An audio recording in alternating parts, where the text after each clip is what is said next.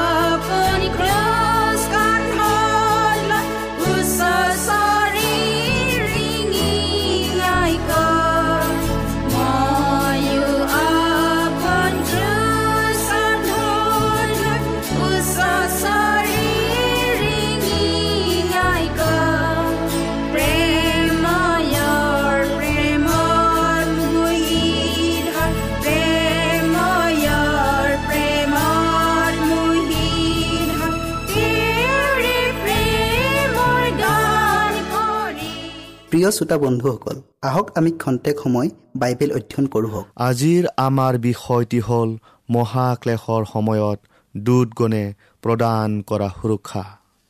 শাস্ত্ৰ পদ লোৱা হৈছে এষ্ঠেৰ তিনি অধ্যায়ৰ তেৰ পদ।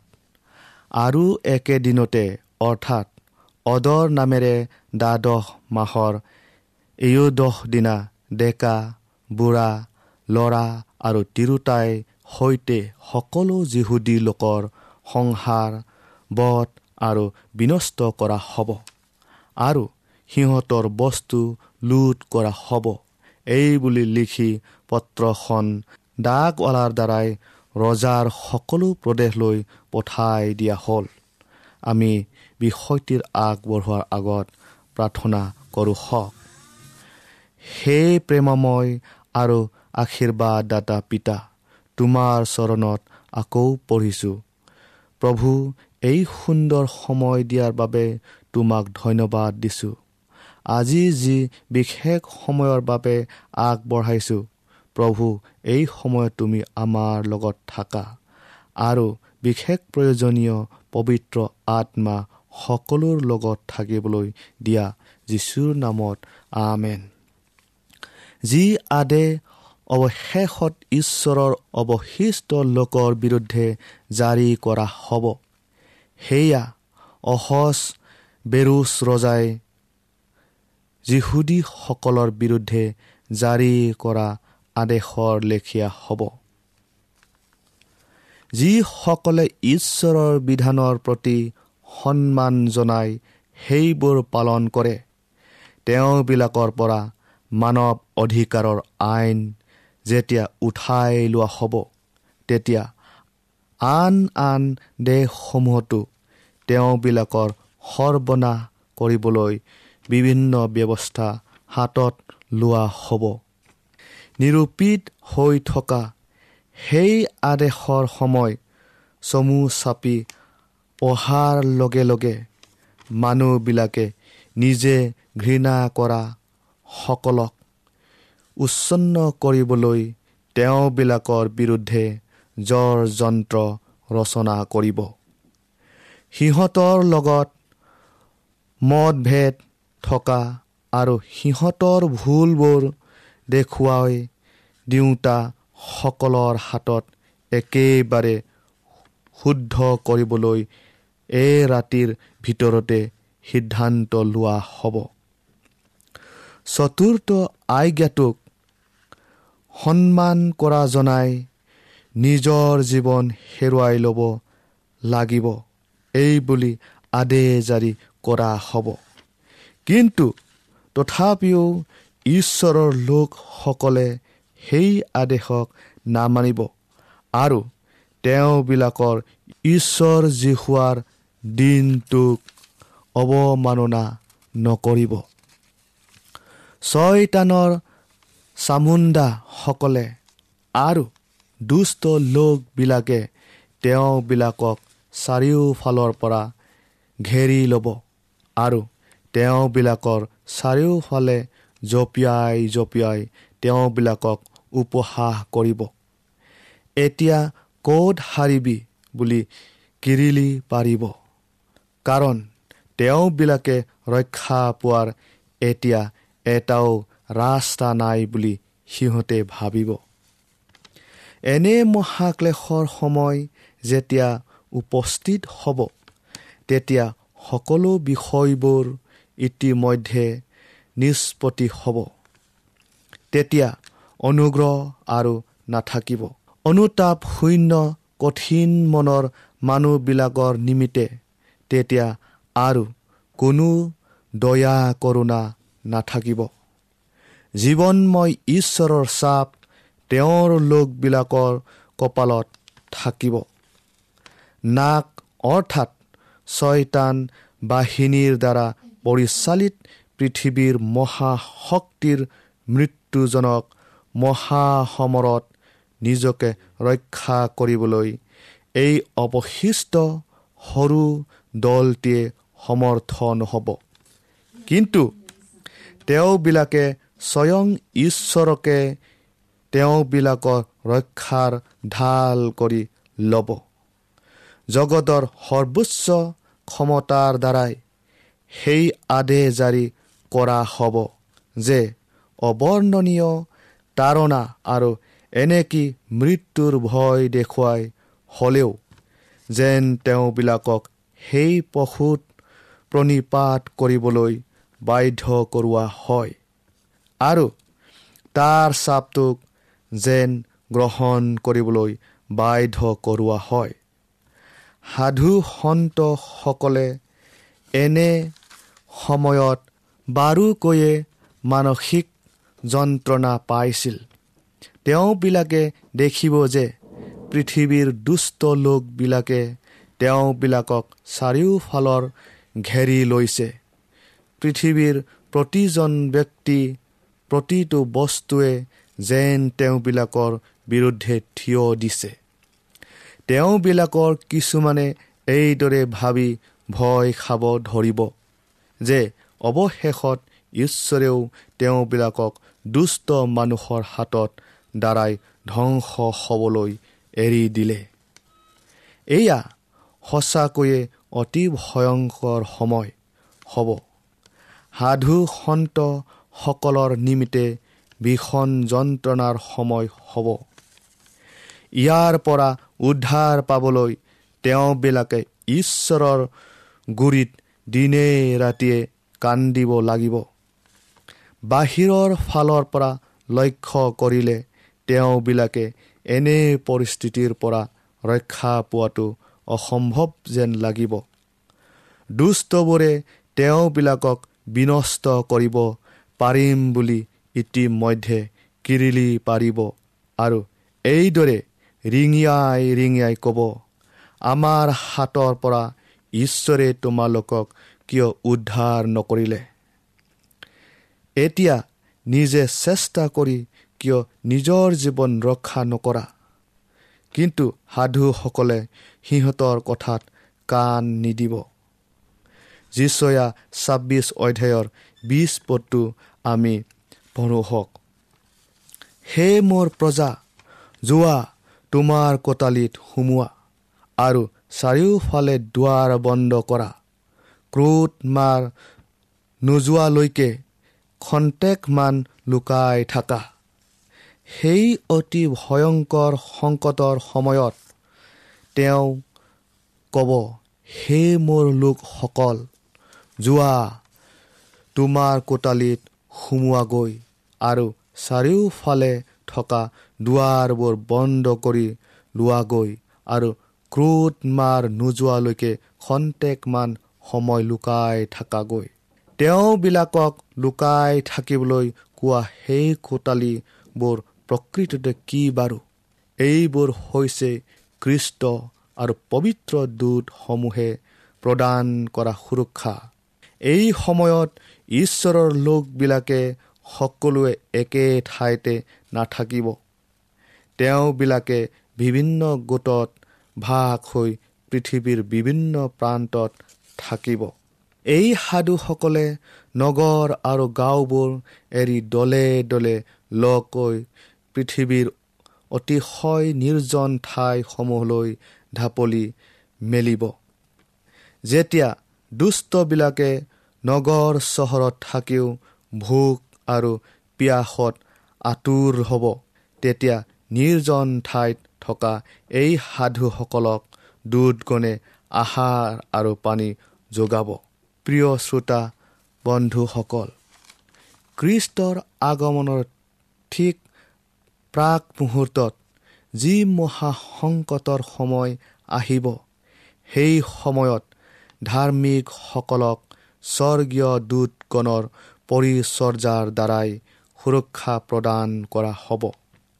কিন্তু ঈশ্বৰৰ বিধান ভংগকাৰীসকলৰ বাবে তেতিয়া কোনো ধৰণৰ নিৰাপত্তা নাথাকিব।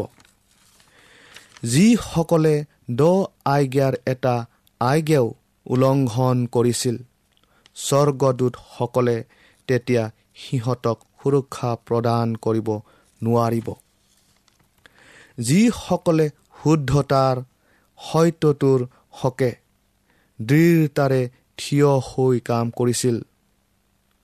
পৃথিৱীৰ ইতিহাসৰ অন্তিমখনত প্ৰভুৱেও তেওঁবিলাকৰ হকে এক মহান কাৰ্য সম্পাদন কৰিব। সংকটৰ সময়ৰ মাজতো যি সংকটক দেশত কোনো কালেও দেখা নাছিল তেওঁৰ মনোনীতসকলে জয় নপৰাকৈ দৃঢ়তাৰে থিয় হৈ থাকিব। প্ৰিয়সকল ঈশ্বৰৰ সাধুসকলৰ ভিতৰৰ আটাইতকৈ দুৰ্বলজনকো ছয়তান আৰু তাৰ দুষ্ট বাহিনীয়ে একেলগে লগ লাগিও ধ্বংস কৰিব নোৱাৰে। স্বৰ্গদূতগণৰ শক্তিৰ শ্ৰেষ্ঠতাই তেওঁবিলাকক সুৰক্ষা দিব। আৰু কেৱল তেওঁবিলাকৰ নিমিত্তেও যি হোৱাই নিজকে তেওঁ যে ঈশ্বৰৰো ঈশ্বৰ তাক প্ৰকাশ কৰিব। আৰু যিসকলে নিজৰ বিশ্বাস তেওঁৰ ওপৰত ৰাখি তেওঁৰ পথত চলে তেওঁ যে তেওঁবিলাকক ৰক্ষা কৰিবলৈ সমৰ্থ তাক প্ৰকাশ কৰিব। কৃষ্টই আপোনালোকক আশীৰ্বাদ কৰক।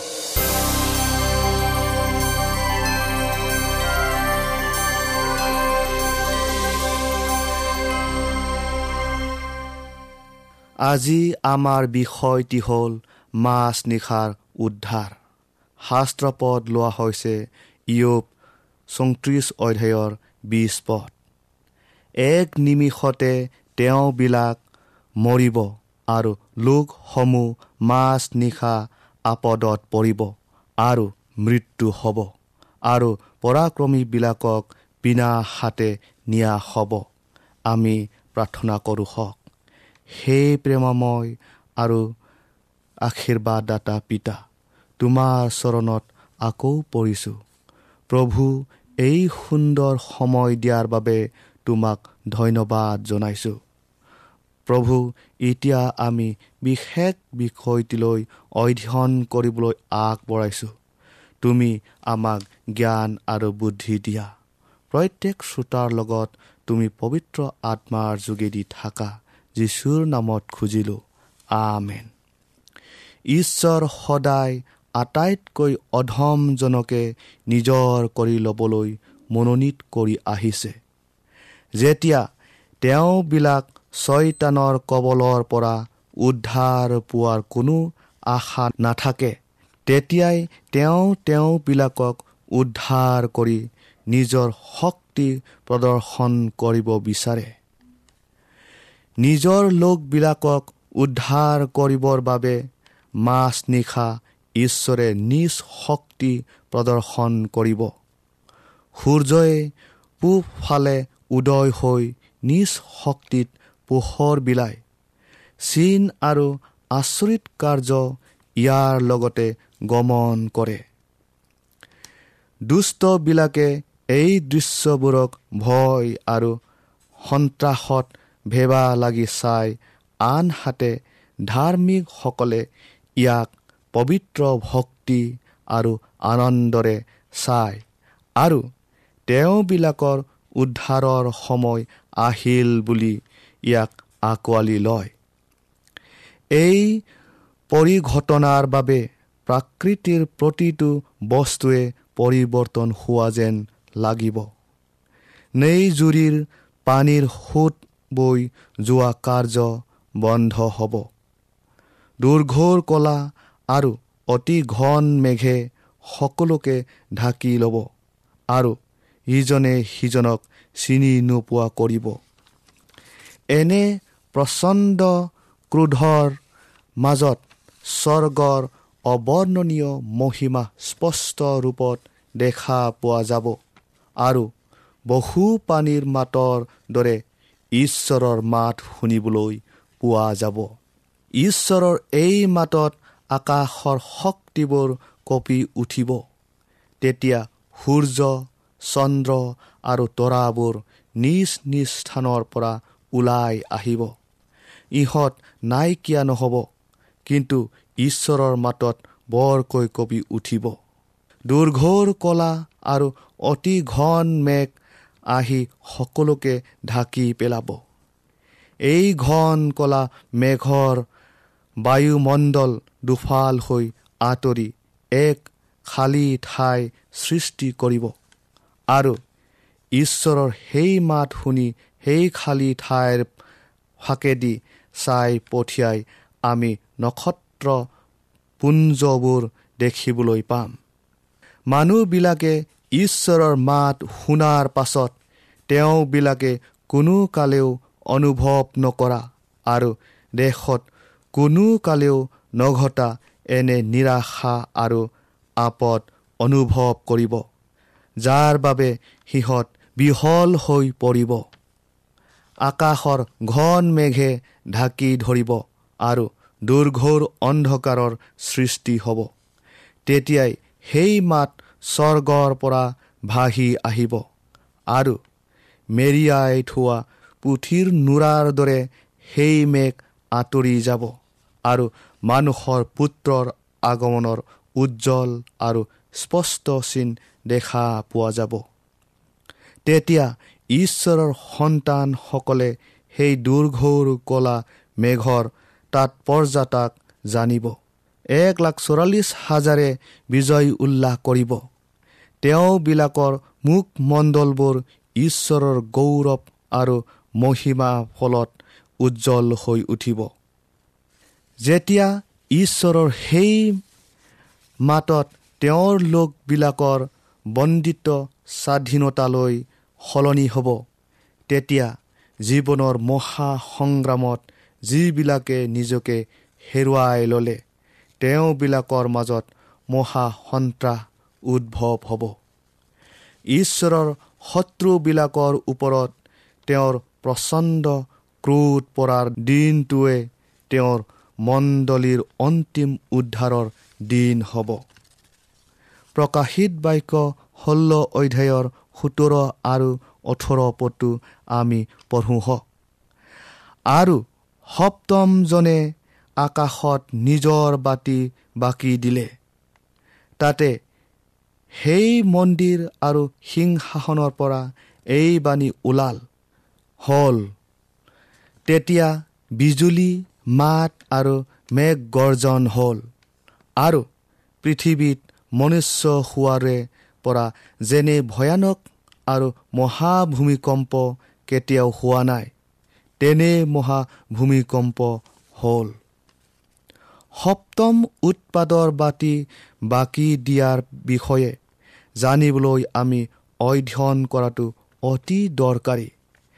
এটা যুদ্ধৰ অবিহনে অসততাৰ শক্তিয়ে সিহঁতৰ সংঘৰ্ষক ত্যাগ নকৰিব। হ'ল বুলি বহু পানীৰ মাতৰ দৰে যেতিয়া ঈশ্বৰৰ মাত ভাহি আহিব।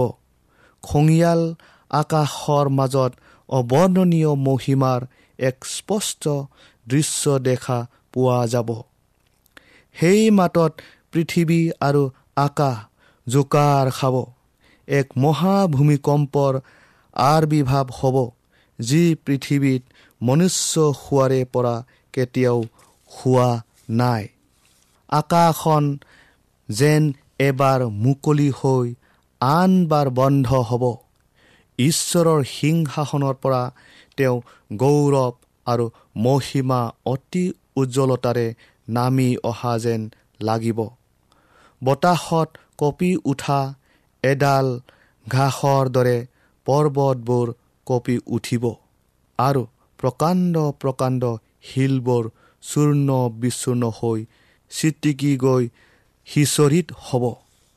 মহা ধুমুহা অহাৰ দৰে এক ভয়ংকৰ শব্দ শুনিবলৈ পোৱা যাব। সাগৰ ভয়ানকভাৱে উখল মাখল কৰিব। সৰ্বনাশৰ দানৱৰ মাতৰ দৰে গৰম বতাহ অহাৰ শব্দ শুনিবলৈ পোৱা যাব। সাগৰৰ ঢৌ দৰে সমুদায় পৃথিৱী থলং পলং হ'ব। ইয়াৰ ভূপৃষ্ঠ ফাটি চিৰা চিৰ হ'ব। ইয়াৰ প্ৰতিটো ভেটি খহি যেন চাৰ খাৰ হ'ব তেনে অনুমান হ'ব। পৰ্বতবোৰ খহি পোত খাব। জনবসতিপূৰ্ণ অঞ্চলবোৰ নাইকিয়া হ'ব। দুষ্টতাৰ বাবে চদুমৰ যি অৱস্থা হৈছিল তেনেদৰে দুষ্টতাৰ বাবে জাহাজৰ বন্দৰবোৰক খঙিয়াল পানীৰ সোঁতে একেবাৰে গিলি পেলাব। প্ৰিয় শ্ৰোতা বন্ধুসকল ঈশ্বৰে মহাবাবিলক তেতিয়া সোঁৱৰণ কৰিব আৰু তেওঁৰ প্ৰচণ্ড ক্ৰোধ ৰূপ দ্ৰাকাৰসেৰে পৰিপূৰ্ণ পাণ পাত্ৰ তাইক দিব। মানুহৰ ওপৰত আকাশৰ পৰা এমোন এমোন গধুৰ ওজনৰ মহাশিলাবৃষ্টি পৰিব আৰু পৃথিৱী নিবাসীসকল সমূলি নিপাত কৰা হ'ব। কাৰণ তেওঁবিলাকে ঈশ্বৰক তেওঁৰ বিধান লংঘন কৰাৰ দ্বাৰাই নিন্দা কৰিলে। জগতৰ সম্ভ্ৰান্ত মহানগৰবোৰ লজ্জিত হৈ মূৰ দুৱাৰ লাগিব।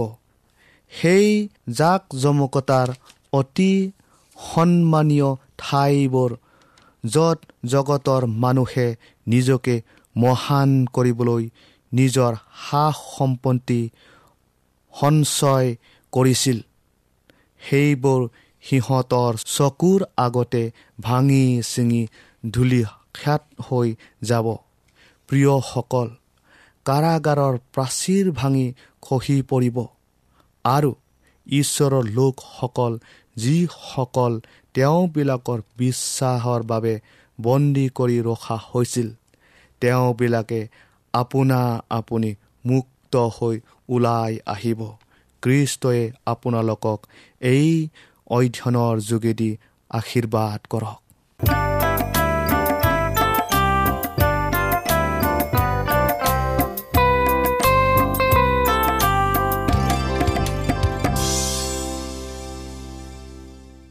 মনত ৰাখিব আমাৰ ঠিকনাটি পুনৰ কৈ দিছোঁ। Adventist World Radio' Assam region of Seven Day Adventist Voice of Hope Latakata Basistha Guwahati seven eight one zero' two nine প্ৰিয় শ্ৰোতা বন্ধুসকল এডভেণ্টিজ ৱৰ্ল্ড ৰেডিঅ' যোগে আহাৰবাণী প্ৰচাৰত আপোনালোকক পুনৰ লগ পোৱাৰ আহাৰে আজিলৈ সামৰিলোঁ। ধন্যবাদ।